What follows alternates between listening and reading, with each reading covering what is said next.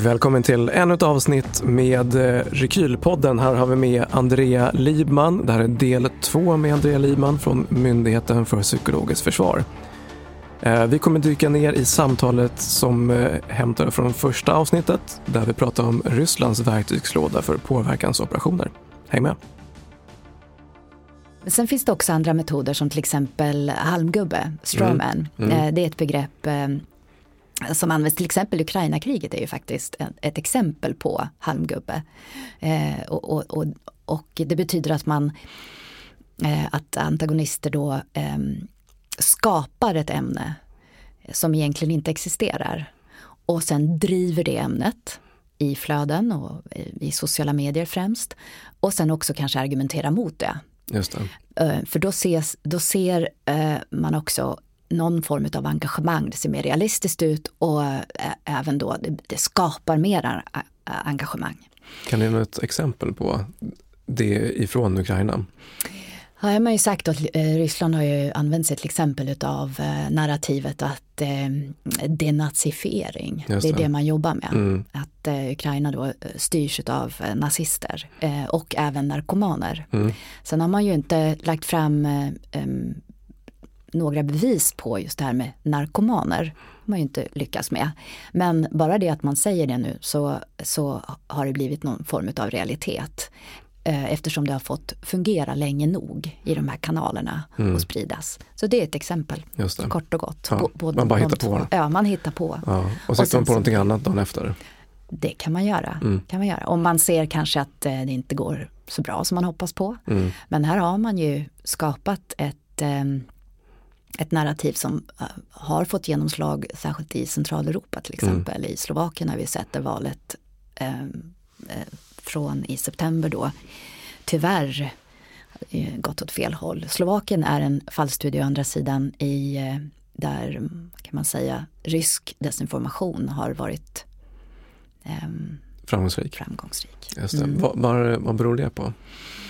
Det beror på flera olika anledningar. Dels är det då geografiskt, mm. historiskt, eh, men också eh, sedan pandemin eh, där eh, eh, till exempel Facebook är den största plattformen men också Telegram så det beror på också vilka sociala mediekanaler som man kan nå in med. Men eh, såg man någon form av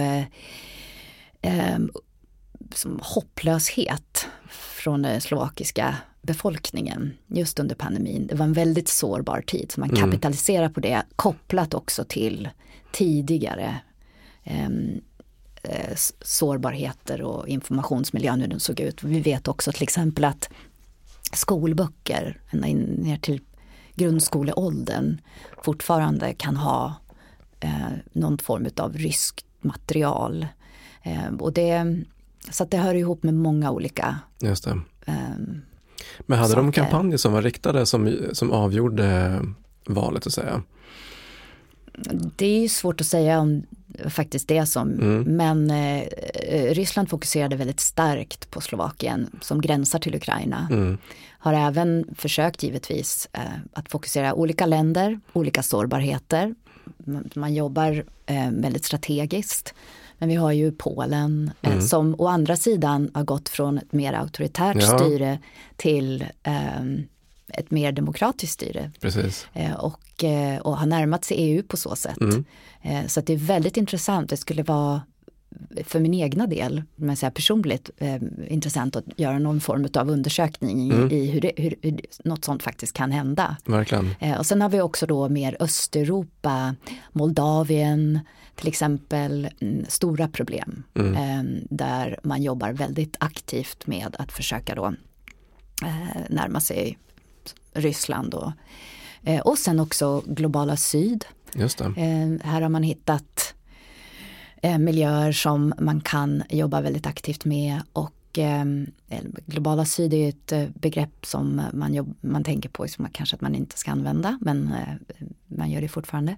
Men sen också Latinamerika och Sydamerika eh, och här eh, ser vi att ryska kanaler som RT och Sputnik har väldigt många följare. Man når väldigt många.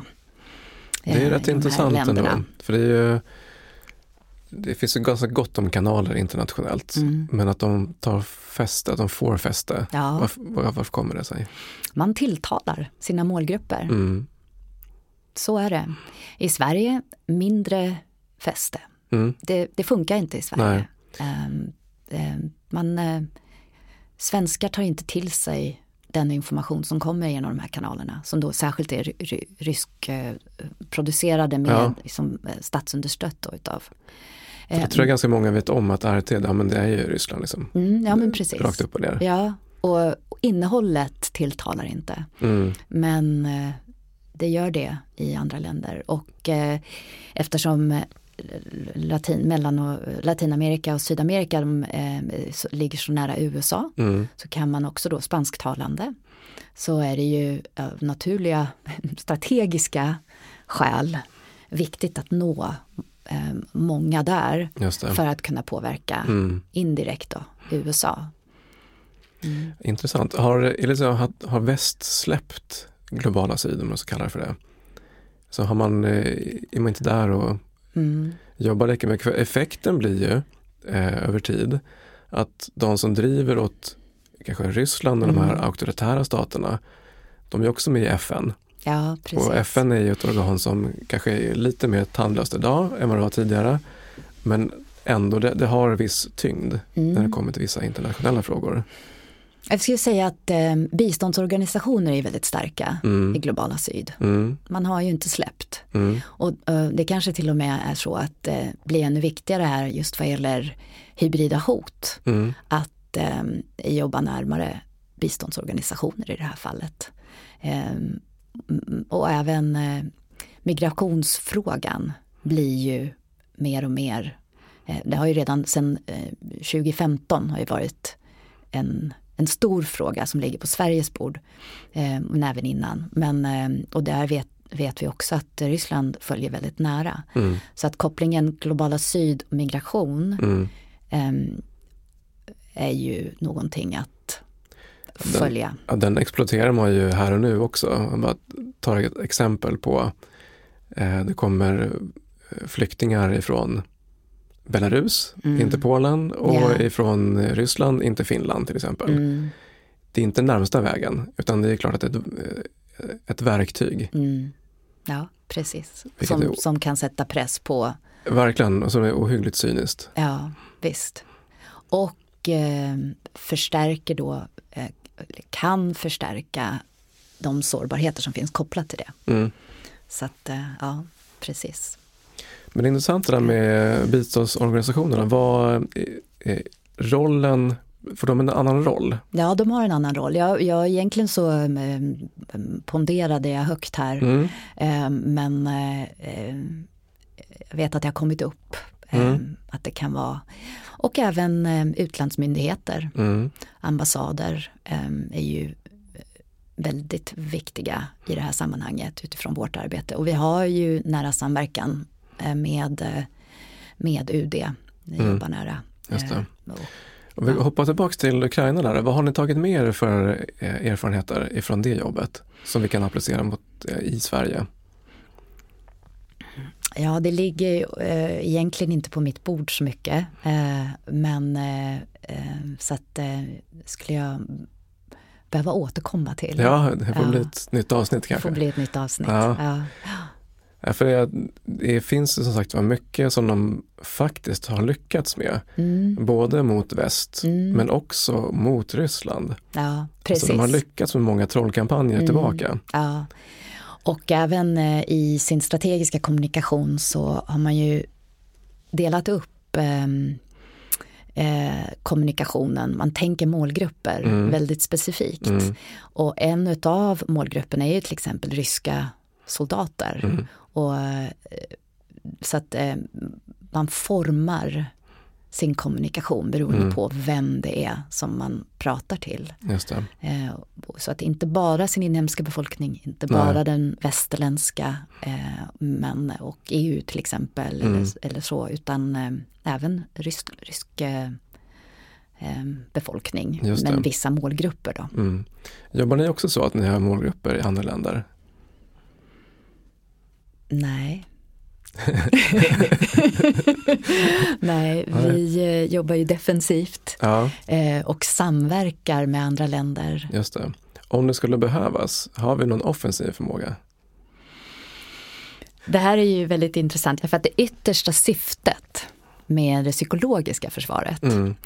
det är ju att eh, värna, som jag har sagt, då, det öppna demokratiska samhället, fri åsiktsbildning.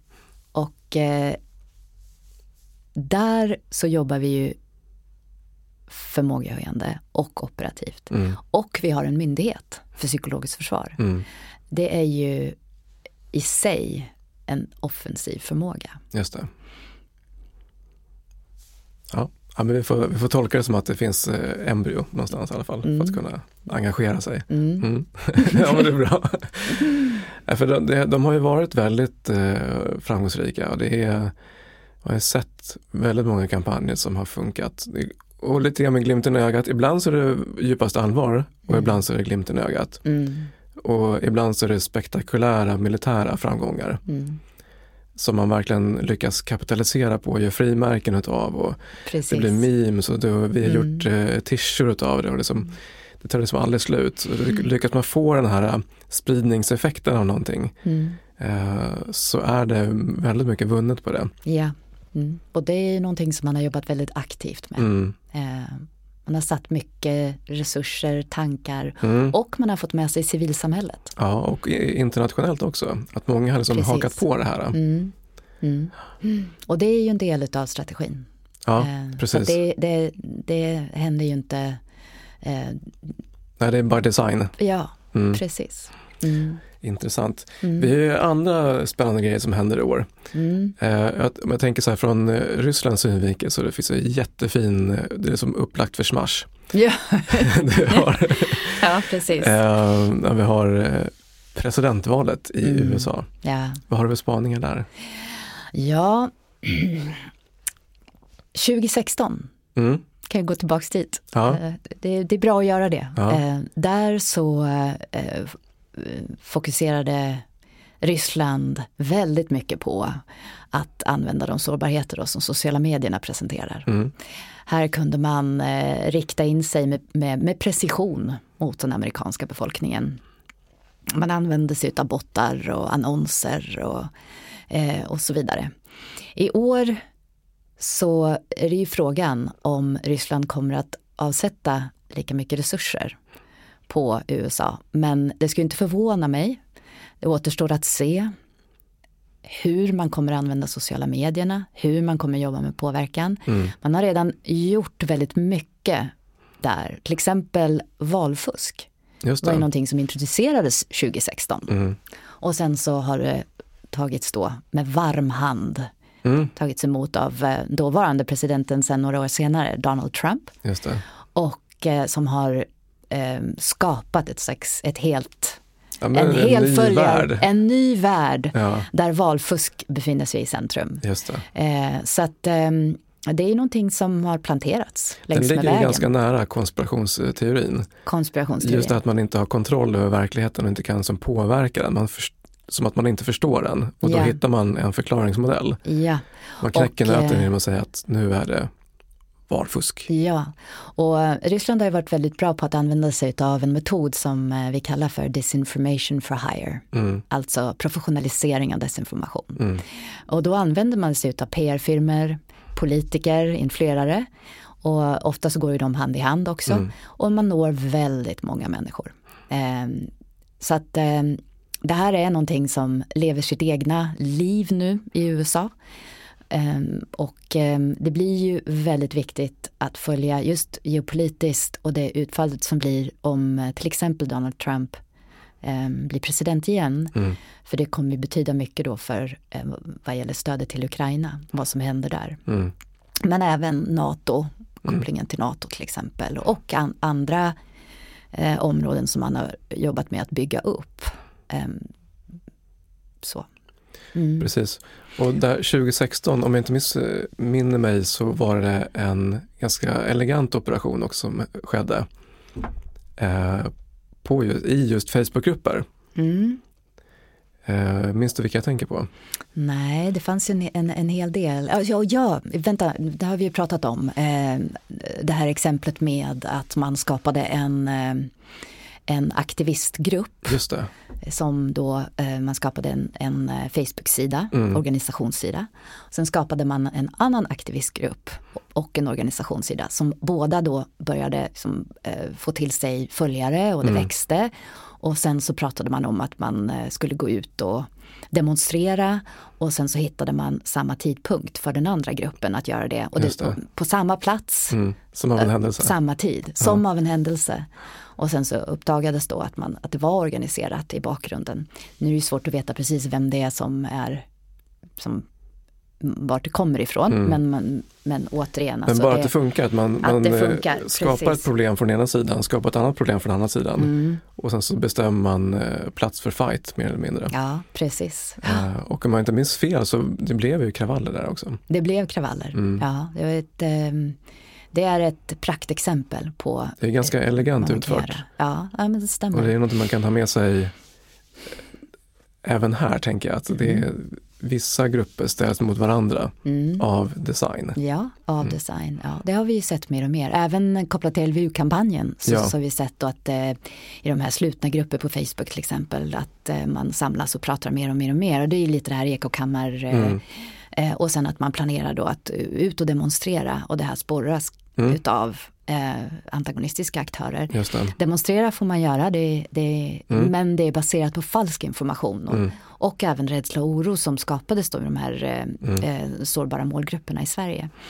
Men kopplat till USA så skulle jag också säga att eh, vi ser trender i hur aktörer agerar i sociala medier. Eh, att de är mer och mer riktade. Och med hjälp av AI också så kan de bli mer riktade. Så frågan är lite hur det här kommer att se ut. Det är ju någonting som vi bevakar. Mm. Och, och, en av de här trenderna är också till exempel att skapa falska nyhetssajter som liknar till exempel BBC eller i USA då kanske ABC och, mm. och så. Och sen så, men det finns kanske någon liten minivariation i URLen eller någonting. Men det är svårt för gemene man att känna igen. Mm. Och sen så kan man börja fylla de här sajterna med artiklar som är tänkta då tillsammans med AI kanske också att eh, förvilla mottagare och även då med budskap och narrativ. Och när man har en sån här falsk nyhetssajt så eh, kan man använda sig av många olika länkar sprida på många olika kanaler för vi vet ju som jag nämnde då att användare befinner sig i många olika kanaler idag. Mm. Så att om nu sociala medieföretagen som har sina regler till exempel då man märker att någonting är koordinerat, man identifierar det och man eh, börjar släcka information som kanske pratar om valfusk till exempel. Eh, vissa utav företagen har en högre tröskel för att man pratar om valfusk. Nu har Meta och eh, Youtube gått tillbaka lite grann på det.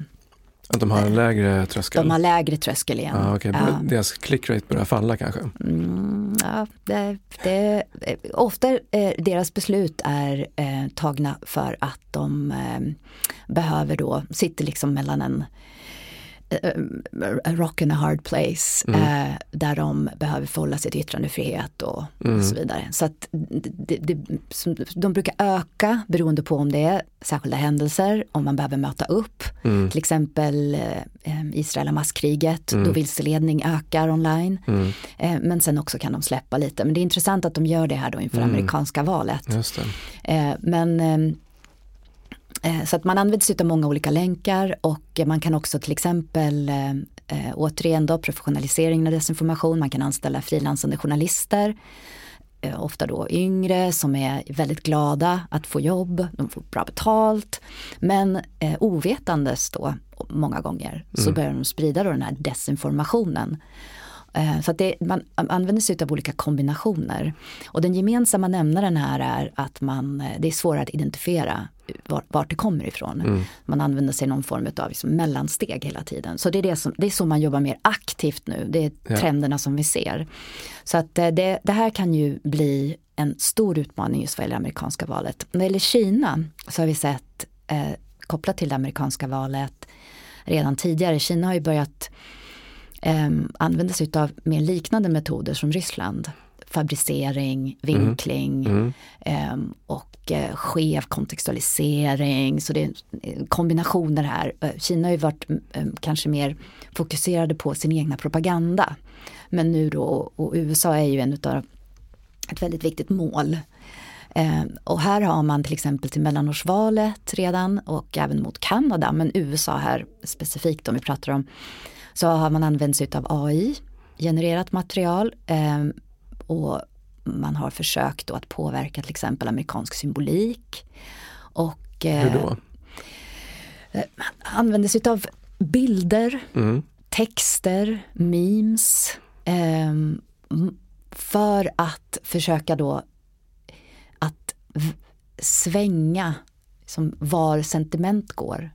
Om man känner att man känner väldigt mycket för en fråga Mm. så har man försökt att, att, att vända bort från den. Mm. Och nu är det ju frågan vad vill Kina, vilken utgång vill Kina se? Ja, den är Som- delikat. Är det? Ja, Ja. precis.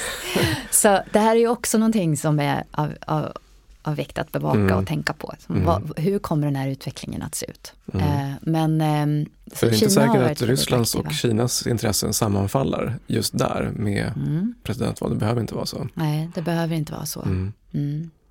Så, eh, och, och sen också ser, ser man då parallellt med eh, desinformation och hybrida hotarsenaler så ser man också då att cyberattacker går hand i hand och cyber överlappar mer och mer med informationspåverkan. Dels då vad gäller aktörer, vad gäller modus om man tittar på som terrängen om man säger så.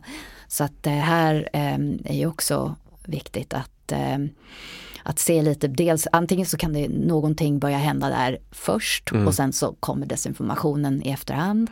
Eh, och även för, för eh, samtliga skulle jag säga, som cyber är ju det nätfiske då med hjälp av AI och eh, språk och tonaliteten som jag har nämnt. Där ser vi också att en förbättrad förmåga Mm. och eh, mer riktat. Just det. Ehm, Så det är viktigt att tänka på det för eh, olika målgrupper i Sverige, men Mm. myndighetsrepresentanter och politiker och, och ta till sig det. Och det går ju nästan inte så här att prata om påverkansoperationer utan att komma in på Sveriges NATO-process Ja, som verkligen har blivit eh, schackad. ja, ja, så är det och väldigt, ehm, ehm, väldigt viktigt för de eh, utländska aktörerna. Ja, det, Mm. det är uppenbart att den är Uppenbart. väldigt viktig för dem. Mm. Mm. Precis. Så det finns många, många som har påverkats av det här. Mm. Klart Ryssland är den största motståndaren, men så ser vi också ja, men som Ungern och Turkiet som har bromsat det här i det oändliga. Eh, Mm. Som såklart har någonting att vinna på det, annars Mm. skulle de inte göra det. Ja, vad, vad det. ska de ha att vinna på det egentligen? Eh, Det är ju... eh, Det är en bra fråga. Eh, Turkiet, eh, Ungern har ju, spelar i händerna på Ryssland. Mm. Eh, här behöver man inte, Ry- Ryssland behöver inte eh, anstränga sig eh, åt, åt, och, för att försöka som på något sätt påverka eh, just i den riktningen. Mm. Eh, vad gäller Ungern och, och, och Turkiet så har de sina egna nationella intressen. Det är det som driver varför de gör vad de gör. Mm. Ungern är ju ehm, intressant i den ce- centraleuropeiska regionen eh, nu också har närmat sig, eh, Slovakien har närmat sig Ungern. Just det, i ja, det kan jag mycket Så väl tänka mig. det, det, stärker, det stärker de olika koalitionerna i, det, Mm. i, i, den bemärkelsen. Ehm, ja, även kopplat till eh, koranbränningar och så vidare, väldigt tacksamt upplägg. ja, precis. Även om det inte är liksom designat i, i Moskva så det är väldigt enkelt att bara sprida det vidare. Mm, mm. Och ja, låta- det stämmer. Eller som säga, Mm. scenen spela ut sig själv. Ja, ja, och det är ju det som har eh, försvårat för Sverige under eh, de här åren Mm. nu se- sedan LVU-kampanjen. Mm. Samma aktörer engagerade i LVU-kampanjen har varit engagerade i koranhändelserna. Mm. Just det. Eh, och eh, det, det har ju sp- sporrat även då Mm. till exempel. Har ni lyckats analysera vilka, vilka grupper är det? Om det inte är så statsaktörer, men vet ni vilka grupper det är? Eh, ja, vi bevakar ju informationsmiljöerna. Mm. Eh, jag kan tipsa om eh, jättebra forskning Mm. på området. Magnus Ranstorp och eh. Linda Allerup. Ja. Eh, och har tagit fram forskning som, som eh, ja, underlag som också kartlägger Mm. de här aktörerna. Mm. Som Så- finns eh, publikt att läsa också. Det finns publikt att läsa. Ja, men då lägger vi dit såklart. Ja, Ja. ja. Jättebra forskning som vi har finansierat. Mm. Ja men strålande. Mm, 10 av MPFs eh, budget går mot forskning. Eh, Ja men det är bra och det är, det är bra att man försöker lägga i, i, den kanten också för att kunna dra vettiga slutsatser och verkligen så här, men göra jobbet. Ja, precis. Och vi har ju också, eh, vi stödjer eh, ett forskningsinstitut i Lund. Mm. Eh, Swedish Psychological Defense Institute. Mm. Eh, och eh, som leds av eh, James Pament. Eh, vi har med eh, det institutet som är oberoende förstås. Precis eh, här i, i år publicerat en studie eller hot, bilder och spel, Mm. gaming. Just det, Det är, ett berätta relativt, ja, det är ett relativt outforskat område. Mm. Så att vi var väldigt eh, intresserade av att få mycket mer information kring det. Eh, spel är ju, sp- spelplattformar skiljer sig lite från eh, sociala medieplattformar i att eh, eh, jobbar inte på samma sätt med algoritmer eller så vidare. Men det finns eh, olika möjligheter för antagonister. Särskilt har man ju då sett eh, extremism och radikalisering Mm. rikta sig då mot användare. Och spel är intressant i att eh, vi har miljarder användare utav sociala medieplattformar. Mm. Eh, men, och spelplattformar är på, ligger på samma nivå. Mm. Alltså just eh, hur många som befinner sig i, i spelmiljöer. Ja. Så um, det här är lite i sin linda kan man säga. Mm. Vi får se hur det utvecklar sig och hur just desinformation em, kommer att utveckla sig i, inom spelområdet. Just det. Och då pratar vi spel som när man kanske nätverksspelar mot varandra över hela världen Ja, och så finns det chattmiljöer som man kan eh, precis. ja, Ja. posta och svara i då såklart. Ja. Mm. Och eh, till exempel islamistiska aktörer har vi sett att eh, för att kringgå kanske li, lite olika regler som de här företagen sätter fram. Nu är inte spelbolagen bolagen lika eh, som på som sociala medieföretagen. Men, för, eh, men text kan man ju kanske med lättare då enkelhet eh, identifiera möjligtvis då som någon form av koordinering eller Mm. något som liksom hot eller hat eller Mm. någonting. Någon form av radikalisering som pågår. Eh, då har man börjat använda sig av ikoner istället. Mm. Många unga använder sig ju bara av ikoner när de pratar på mobiler eller i, i spelmiljöer Mm. och även i sociala medier. Så då har man för, omvandlat sitt språk och Mm. använder sig av ikoner för att kunna fortsätta prata och man känner en närhet till avsändaren där då. Mm. Mm. Intressant. Mm. Nej men eh, som du säger, den är, den är minst lika stor Mm. som sociala medier. Mm. Eh, så att eh, effekten kan ju bli samma som man har sett nu i sociala medier tidigare, att man Mm. kan ra- radikaliseras även där. Ja men precis.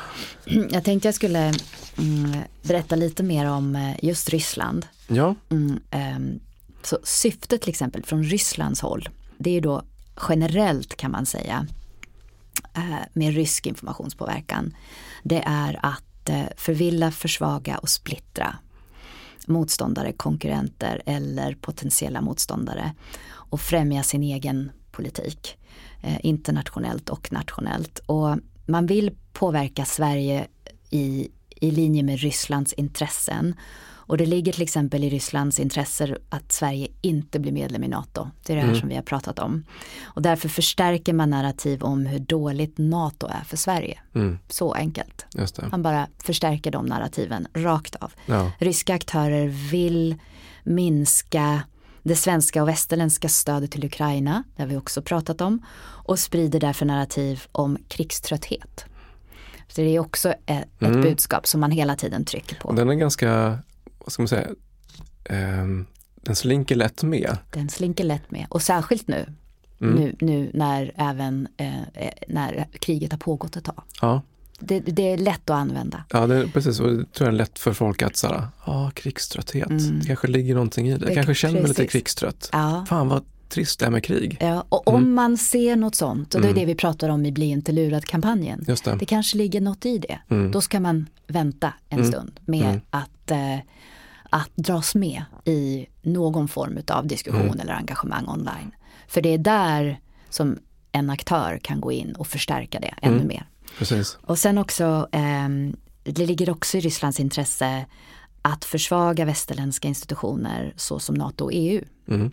Eh, och därför försöker man slå split mellan institutionernas medlemsländer. Så det är också någonting som man jobbar med.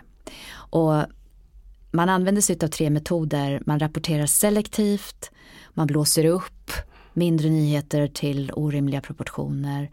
Man kan vinkla en existerande händelser, eh, händelse för att eh, läsaren och åhöraren ska kategorisera problemet under eh, ett av de eh, under olika narrativ. Och sen så kan man också använda sig av renfabricering. Mm. Och några övergripande narrativ har jag fått med mig här. Eh, det är då att Sverige och väst hålls ansvariga för den försämrade säkerhetssituationen i Europa.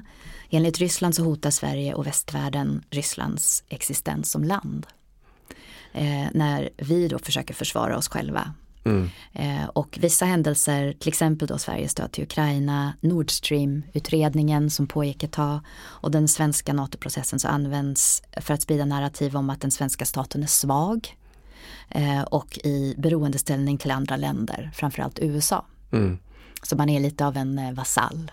Ja, Eh, och ryska aktörer sprider stundtals narrativ om en samhällskollaps, att den är nära förstående och det här syftar till att undergräva samhället eh, och försvaga eh, det inhemska förtroendet för våra myndigheter Mm. eh, och försvaga bilden av Sverige internationellt också, Just det. Sverigebilden där. Och så angrips vi också som symbol för att peka på hur dåligt det är med liberal demokrati. Eh, och förstärkning då av LVU-kampanjen och koranhändelser. Där Just så kommer det in. Ett helt batteri. Ett helt batteri. Så jag tror det var viktigt att få med det här i, i samlad form. Ja, Eh, och man skulle nästan kunna vilja så här, veckla ut många fler av de här. Frågan är hur mycket vi hinner med i dagens inspelning här. Men, eh, ehm, just det här med att eh, väst hotar, det är, mm, den är rätt delikat för man vänder man på kakan mm, så är det ju bara Ryssland som har tagit mark. mm, Eh, NATO däremot, där folk ansökt om med, att bli medlemmar. ja. ja. Och sen så vet jag inte hur många som vill ha Ryssland heller om man nu tänker i de termerna. Mm. jag tror inte det är många som bryr sig om dem. Det var en Det är undersökning. ganska få som flyr till Ryssland om man säger så. Ja men precis. Eh, och det kanske man kan använda sig av eh, liksom i, i, i, möten. Nu, nu tänker jag högt bara men till exempel då med flyktingkris. Ja, Eh, att eh, man kanske kan börja använda det mot Ryssland och säga att men, ni kan ju ta emot flyktingar också. Mm. Som, eftersom de så, så gärna använder sig av ja, som Ja. flyktingkris och migrationsfrågor. Ja, och, och här lyfter man också kopplingen eh, kriminalitet och man, Mm. man, man sammansvetsar det. Men vad jag tänkte på där är att det, det har nyligen kommit ut en, eh, en opinionsundersökning i Sverige om just stödet till NATO. Och nu kommer jag inte ihåg precis vem det är som har, men det var någonting som jag vet vi tittade på, ehm, eh, på, på MPF. Eh, och, och stödet till NATO i Sverige är väldigt högt. Eh, och det har att göra med Rysslands anfallskrig mot Ukraina. mm. Så kopplingen där. eh, Också intressant att ändå Finland eh, gick med i NATO relativt snabbt ändå Mm, och utan så mycket hokus Mm. pokus. ja. Eh, mm. Och det är väl så kanske att Sverige och Finland, som jag förstår det, har just eh, för, försvarsmässigt eh, hållit samma linje. Mm. Och nu så har det skiftat. Mm. Ja. ja, den är delikat. Ja, och jag, jag, kan, jag tänkte jag skulle ta upp lite just vad gäller Kina. Ja, Eh, också de några spelar ju ett typiska annat spel. narrativ. De, de har spelar ju- ett annat spel. de är Ja. mer åt, de ligger an, de har en annan eh, position i tidsschemat. Ja, De ligger mer framåt. ja. Mm. och även här eh, så just vad gäller informationspåverkan så syftar i första hand till att framhäva bilden av ett starkt framgångsrikt och oklanderligt Kina. Mm. Lite sådär, sin egna propaganda fokuserar man mycket på. Det är ganska uh, uh, ambivalent också. Är det, är det verkligen så här, the good guys eller the bad guys med mm. infrastrukturbygge och, mm. och, allt det där. Uh, men men det syftar också till att främja Kinas intressen inom ett flertal områden. Så är det ju. inkluderat säkerhets och handelspolitik. Och syftar till också då i likhet med Ryssland nu man börjat se mer informationspåverkan till att förvilla, försvaga och splittra motståndare. Så mm. man har börjat använda mm. sig mer och mer av de teknikerna. Eh, och eh, den är riktad mot Sverige och Sveriges åtaganden. Eh, det inkluderar då eh, som att på ett otillbörligt sätt främja bilden av Kina. Mm. Ehm, på olika sätt, till exempel genom att med olika medel motverka ifrågasättandet av Kinas syn på mänskliga rättigheter. Det. Det, det. är ett område som är, och eh, politiska system. Det ganska system. högljudd ambassadör också i Ja, det hade man ett tag. Ja. ja. Ja, men precis. Det föll inte jätteväl ut tror jag. Nej, föll inte väldigt väl ut. Så är det. Eh, och samtidigt, eh, ja, det var en hel del som hände där med, med honom vid rodret här i Sverige. Mm. Eh, och, så det ligger ju i Kinas intresse att, att försvaga eh, de olika länkarna då som Sverige också har, transatlantiska länken till exempel. Mm. Eh, och eh, mellan Europa och USA. Och, mm. Det är delikat för jag tänker EU är ju Kinas största handelspartner. Mm. Större än USA om jag förstått det rätt. Så de, det finns ju en, ett, ett beroendeförhållande också. Mm. Ja, eh, och, det finns det. Och väst har ju velat eh, jacka in mycket handel i Kina för att man har sett att ah, det är en fredlig väg framåt i världen. Mm. Eh, under den långa strategiska blackouten. Mm. Eh, tills man nu ser att man vill ha en, en multipolär värld där Kina vill vara en aktör mm. och spela sitt spel. Men de är ju fortfarande beroende av avsättning för sina produkter i andra delar av världen. Uh, mm. Så det är, många legobitar i det här bygget. Ja, det är det. Som Verkligen. Ska funka. Det som var så intressant med Taiwan eh, valet var ju att Taiwan är en av de största producerarna av chip Mm. Eh, eh, så att eh, man förstår ju att Kina också och USA är mm. väldigt intresserade utav mm. valutgången där. Ja. Kan man verkligen tänka. Så att det finns lite olika spelare med i det här som du säger. Men jag tänkte nämna också då några typiska narrativ. Mm. För att också spegla lite hur Ryssland jobbar men hur Kina jobbar då. Mm. Och det är till exempel då man underbygger då goda kontakter med Kina är obegränsat gynnsamma medan ifrågasättandet av Kina då får svåra konsekvenser. Just det. Det, det är ett typiskt narrativ. Sverige, det hör man ganska ofta. Det hör man ganska ofta, eller hur? Ja. ja. Sverige är en symbol för hur dåligt det är med liberal demokrati och yttrandefrihet. Inte minst genom att hävda att minoriteter förtrycks mm. i yttrandefrihetens namn. Och det är ju någonting som vi ser också de islamistiska aktörer. Att det, mm. Men det, det, är pådrivande av, av annan um, av andras uh, skäl. Um, Sverige är en svag stat som är undergiven USA det, så det går i Samma. linje med Ryssland. Främst på grund av Sveriges NATO-ansökan också mm. eh, nu. Och Sverige är ett land med stora utmaningar och svårigheter. Från en svag ekonomi till organiserad brottslighet vilket visar varför västs demokratimodell inte fungerar. Så att man har gått in lite i det här också med värderingar. Mm. Och att samarbeta med kinesiska företag eller organisationer är riskfritt då dessa inte lyder under den kinesiska staten, det kinesiska kommunistpartiet. Just det, och det säger de utåt fast det är tvärtom inåt. Precis, det är tvärtom inåt. Ja. Ja. Alltså, mycket intressant i mm. eh, och, och, hur informationspåverkan då är riktad och bedriven mm. beroende på stat mm. och icke-statliga aktörer då, intressegrupper. Just det. Mm. Både som privatperson och som eh, myndighetsutövare men även företag. Mm. Det är många kort att hålla rätt på. Ja. Ja. Eh, vad de betyder, hur man spelar ut dem, vilken effekt det får för ja, företaget eller för mm. privatpersonen och mm. alla beslut. Så det är en eh, helt annan spelplan nu idag. Mm. Stämmer. Eh, mycket mer dynamisk. Mm. inte till det bättre. nej, nej, precis. Det kräver mer av oss. Ja, men så är det. Det kräver och, mer och av det, oss. Det är återigen, för att koppla till bli inte lurad. Mm, Det här, det, vi är i ett sånt läge nu. mm, Det, här, det kräver mer av var och en av oss. mm. Ja, men gå in på eh, länken som vi skickar här i show notes. Mm, Ta er tiden, sä- sätt en kväll i soffan och gå igenom det här. mm, Och sprid och förstärk till andra som ni känner också. jättebra.